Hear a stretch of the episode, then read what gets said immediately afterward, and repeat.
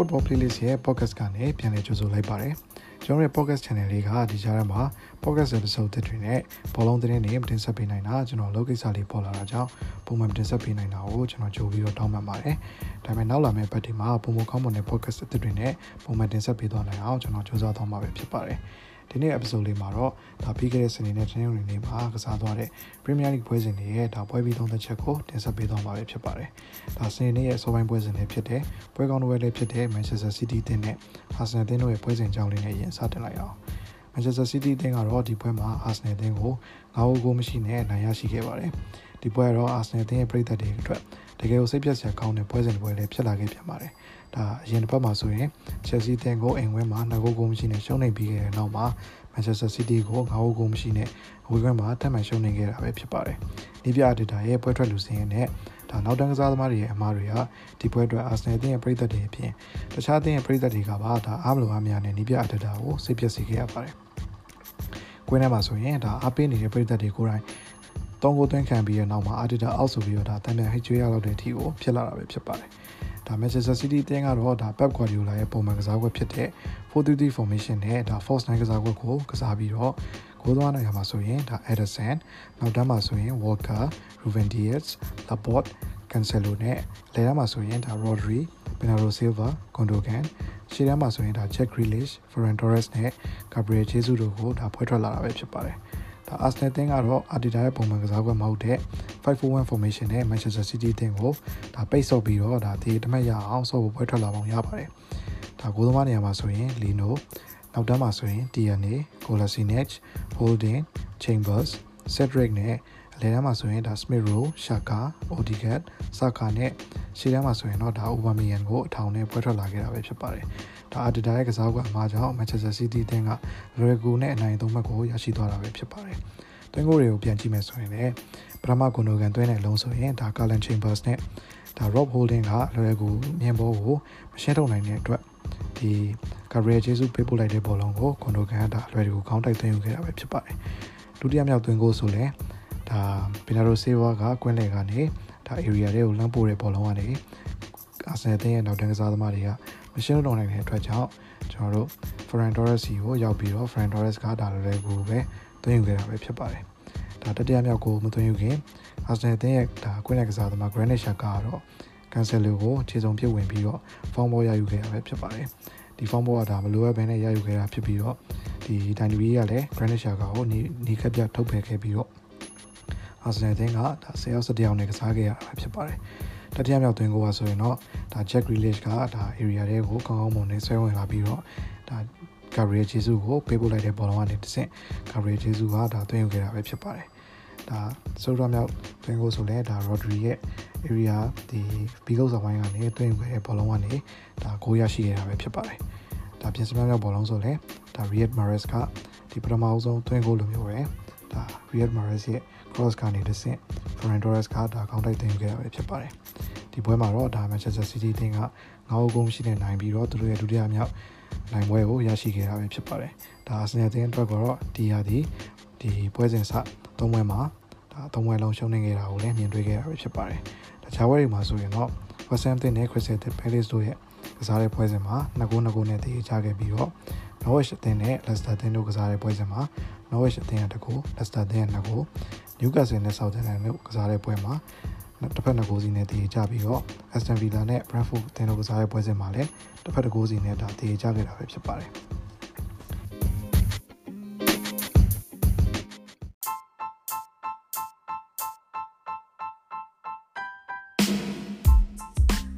နောက်တဲ့စနေနေ့ရဲ့ဒါပွဲကောင်းတစ်ပွဲလည်းဖြစ်တယ်လီဗာပူးသင်းနဲ့ Chelsea သင်းတို့ရဲ့ပွဲစဉ်လေးအကြောင်းဟောသွားလိုက်ရအောင်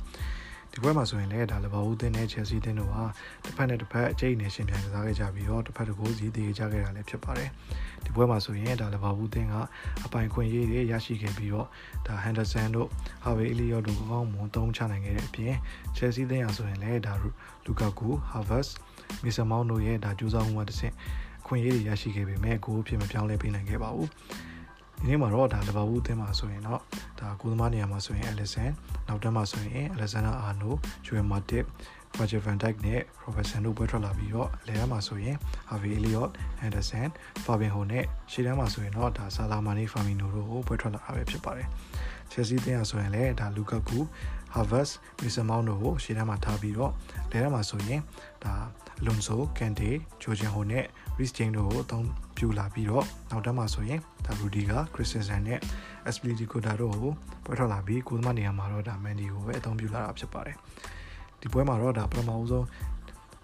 ရရှိရဲ့ဂိုးအနေနဲ့ဒါ Kai Havertz ပေါ့နော် Kai Havertz ကကျွန်တော်သုံးသပ်ရမယ်ဆိုရင်ဒါ Kai Havertz တွင်သွားတဲ့လုံကတော်တော်လေးကိုကောင်းမွန်တဲ့တွင်ကိုတို့ကိုလည်းဖြစ်လာခဲ့ပါတယ်ဒါကော်နာကနေတစ်ဆင့်မစ်စမောက်တောင်ပေးလိုက်တဲ့လုံကနေတစ်ဆင့်ဒါ Kai Havertz ကအလီဆန်ဘက်ကတော်တော်လေးကို ဖမ်းနိုင်တဲ့အနေထားလောက်ရအောင်သူကဒီခေါင်းကိုဥခဲ့တာလည်းဖြစ်ပါတယ်ဒါပေမဲ့လဘဝူးသင်းကလည်းဒါဂျွယ်မာတစ်ပြည့်လူကတာညံ့ငယ်တဲ့အတွက်ကြောင့်ကိုင်းယာဗက်စ်ကဒါ free header လိုမျိုးပုံစံမျိုးရရှိခဲ့တာဖြစ်ပြီးတော့ဒါသူ့ရဲ့ရရှိခဲ့တဲ့ခွင့်ရကိုလည်းကောင်းကောင်းမွန်မွန်အသုံးချနိုင်ခဲ့တာဖြစ်ပါတယ်။လဘဝူးတင်ရရှိခဲ့တဲ့ကိုကတော့ဒါတော်တော်လေးကို controversial ဖြစ်ခဲ့တဲ့အလုံးမှဖြစ်ပါတယ်။ ဒါဒါဘာဖြစ်လို့လဲဆိုတော့ဒါဂျိုယ်မာတစ်ဒါကော်နာကနေရရှိတဲ့ဘောလုံးကိုခေါင်းတိုက်ပြီးတော့ပြန်ထွက်လာတဲ့ဘောလုံးကိုတက်မှန်တိုက်ယူပြီးတော့တိုင်နဲ့ဒါအပေါ်ဘားရန်နဲ့ထိပြီးတော့ဒါ Robertson စီရောက်သွားတဲ့ဟာနေ Robertson ပိတ်သွင်းရမှာဒါ Reece James ကဒီဒီ goal line clearance လုပ်တဲ့နေရာမှာဒါလက်အနေငယ်ပါခဲ့ပေါ့နော်ဒီလက်ပါတဲ့အနေထားမှာလဲသူကဒီကိုကိုပေါင်ကိုထိပြီးတော့လက်ကိုလာထိရဟာကိုသူကနည်းနည်းလေးလှုပ်သွားတဲ့အတွက်ကိုဒီဒန်လူကြီးက ဒါဗီယာပြန်ကြည့်ပြီးတော့ဒါ Reece James ကိုအနီးကပ်ပြထုတ်ပေးခဲ့ပြီးတော့ဒီပွဲမှာဒါ Chelsea တင်းကဒါ10ရောက်7ရောက်နဲ့ဒုတိယပိုင်းကိုဆက်ကစားစေခဲ့ပါတယ်ရရှိခဲ့တဲ့ penalty ကိုတော့ဒါမိုဟာမက်ဆာလာကအကောင်းကောင်းမွန်သုံးချပြီးတော့ဂိုးဖြစ်ပြောင်းလဲခဲ့ပါတယ်ဒုတိယပိုင်းမှာတော့ဒါ Chelsea တင်းကဒါအဝေးကွင်းမှာအာတည်ရရရှုံးတော့မခံဘူးဆိုတဲ့စိတ်ဓာတ်နဲ့ဒါ Thomas Tuchel ရဲ့အကောင်းမွန်တဲ့လူစားလဲမှုတွေပြုလုပ်ပြီးတော့ Kai Havertz ကိုဒါတရားကိုစေးပါနဲ့လဲလိုက်ပြီးတော့ ဒီကွင်းလေကကန်ဒီကဒဏ်ရာနဲ့ငယ်ရရှိသွားတဲ့အတွက်ဒါ Kovacic နဲ့ပြောင်းလဲခဲ့ပြီးတော့ဒါဒုတိယပိုင်းကိုသူတို့တည်ရလက်ရရှိအောင်စွမ်းဆောင်ခဲ့ပါတယ်ဒါလူကာကူဆိုရင်လည်းဒါဒုတိယပိုင်းမှာတော်တော်လေးကိုရုံးပေးပြီးတော့ဒါကိုရရှိအောင်လည်းသူကြိုးစားခဲ့ပေမဲ့လည်းအထားမြောက်ခဲ့ပါဘူးဒါကြောင့်မလို့တဘာဘူးတင်တဲ့ချယ်ဆီတင်တော့တော့ဒါတစ်ဖက်တစ်ကိုးစီနဲ့တည်ကြခဲ့ပြီးတော့ချိန်နေရရှိခဲ့တဲ့ပွဲပွဲလေးဖြစ်ပါတယ်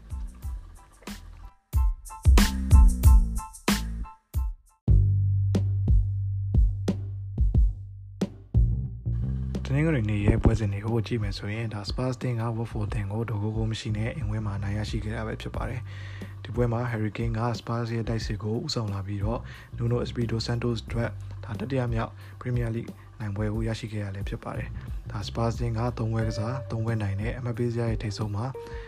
ဦးဆောင်နေတာကိုလည်းဒါမြင်တွေ့ရမှာဖြစ်ပါတယ်။ဒါ Spurs တင်ကသူတို့တင်ရဲ့ပုံမှန်ကစားပွဲဖြစ်တဲ့4-2-3-1 formation ကိုပွဲထွက်လာပြီးတော့ ကိုသမားနေရာမှာဆိုရင် Lewis နောက်တန်းမှာဆိုရင်တန်ကန်က Davinson Sanchez, Eric Dyer, Sergio Reguilon နဲ့အလဲတန်းမှာဆိုရင်ဒါ Pia Emily Holbeck, Olivier Skip, ဆွန်ယောင်မင်း Deli Lee, Bachwin နဲ့တိုက်စစ်မှုနေရာမှာတော့ဒါ Harry Kane ကပြန်လည်ပါဝင်လာတာဖြစ်ပါတယ်။ Harry Kane ကဆိုရင်လည်းဒါသူ့အနေနဲ့ Manchester City ကိုသူမသွားတော့ဘဲနဲ့ဒါ Spurs မှာပဲဆက်လက်ရှိနေတော့မယ်လို့ထင်ကြပြီးတဲ့နောက်မှာဒါဒီကြားရဲ့ Conference League မှာလည်းသူပါဝင်လာပြီးတော့ဒီပွဲမှာလည်းပြန်လည်ပါဝင်လာတာကိုမြင်တွေ့ရမှာဖြစ်ပါတယ်။ Harry Kane ပါဝင်လာပေမဲ့ရရှိခဲ့တဲ့အခွင့်အရေးတွေကိုတော့အသုံးချနိုင်ခဲ့ပါဘူး။ဒီပွဲအတွက်အနိုင်ကိုတော့ဒါဆွန်ယောင်မင်က free kick ကနေတဆင့်ဒါသွင်းယူပေးခဲ့တာပဲဖြစ်ပါတယ်။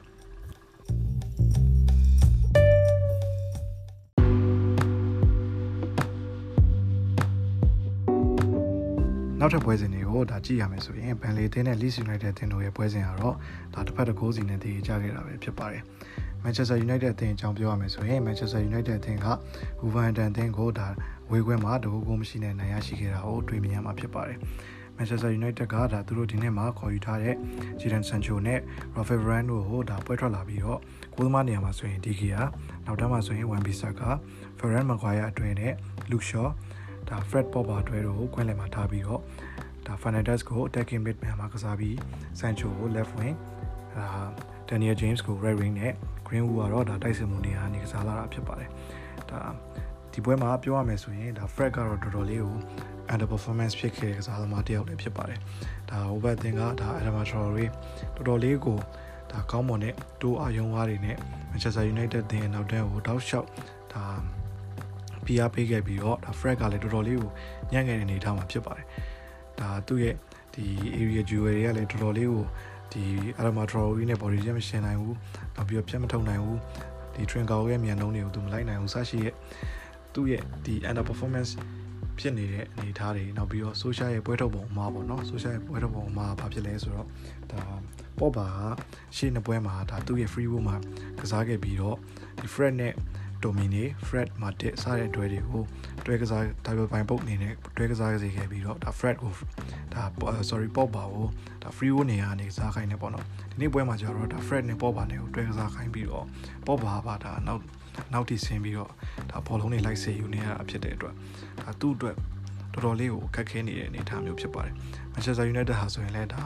ပထမပိုင်းရောဒုတိယပိုင်းမှာပါဒါ short on target တွေဆိုရင် ပထမပိုင်းလုံးဆိုရင်ဒါ short on target လုံးဝမရှိဘူးဒုတိယပိုင်းမှာဒါဒါ short on target တစ်လုံးနှလုံးဒါစရှိလိုမျိုးရရှိခဲ့တာလည်းဖြစ်တယ်။ဒါကြောင့်မလို့ဒါဒီပွဲက Manchester United အသင်းအတွက်ဒါကန်ကောင်းပြီးတော့နိုင်သွားတယ်လို့ပြောရင်တော့မမှားပါဘူး။ဒါကျွန်တော်အမြင်အရပေါ့နော်။ကျွန်တော်အမြင်အရဒါကျွန်တော်ကိုယ်တိုင်လည်းဒါ Manchester United အသင်းရဲ့ fan ဖြစ်တယ်။ဒီကိုယ့်ရဲ့အသင်းရဲ့ရလက်ဆိုးရွားနေတာကိုတော့ကျွန်တော်ကျွန်တော်အမြင်နဲ့ပဲကျွန်တော်သုံးသပ်တာပေါ့နော်။ပြီးတော့ဒီကိုသိန်းယူရတဲ့ Greenwood ပေါ့နော် Greenwood ကတော့ဒါတော်တော်လေးကိုချီးကျူးရမယ့်ကစားသမားတွေပါ သူကတော့ဒါ၃ပွဲကစားပြီးတော့၃ပွဲလုံးမှာသူသိန်းယူထားတယ်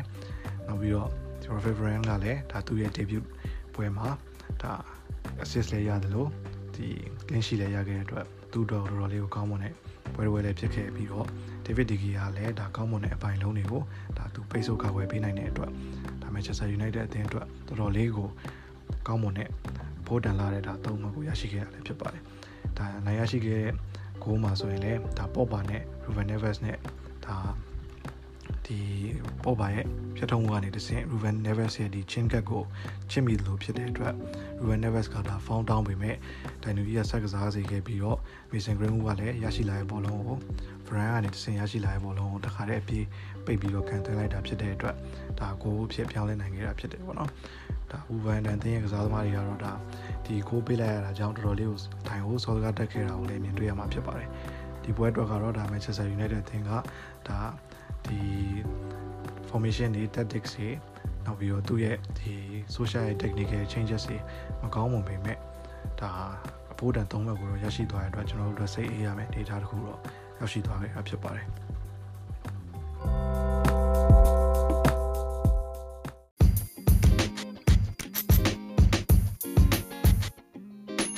ဒါကတော့ဒီတစ်ပတ်စနေနဲ့တင်းတွေနေမှာကစားသွားတဲ့ Premier League ပွဲစဉ်တွေရဲ့ဒါပွဲပြီးသုံးသက်ချက်လေးပဲဖြစ်ပါတယ်။ဒါကျွန်တော်ရဲ့ပွဲပြီးသုံးသက်ချက်လေးကိုသဘောကျနေချိုက်တယ်ဒီ podcast လေးကိုသဘောကျနေချိုက်တယ်ဆိုရင်ဒါ Facebook မှာဆိုရင်လည်းဒါကျွန်တော်ရဲ့ page ကို like and follow လုပ်ပါ။နောက်ပြီးတော့ဒီတခြား Facebook ကနေမဟုတ်ဘဲနဲ့ Anchor တို့ Spotify တို့စရှိတဲ့ဒီ podcast platform တွေကနေနားထောင်နေဆိုရင်ကျွန်တော်ရဲ့ podcast channel လေးကို follow လုပ်ထားပါနောက် episode တွေတင်တဲ့အခါကျရင်ဒါ notification တက်လာအောင်ပေါ့နော်နောက်ပြီးတော့ကျွန်တော်ရဲ့ဒီထင်မြင်ယူဆချက်တွေဒီ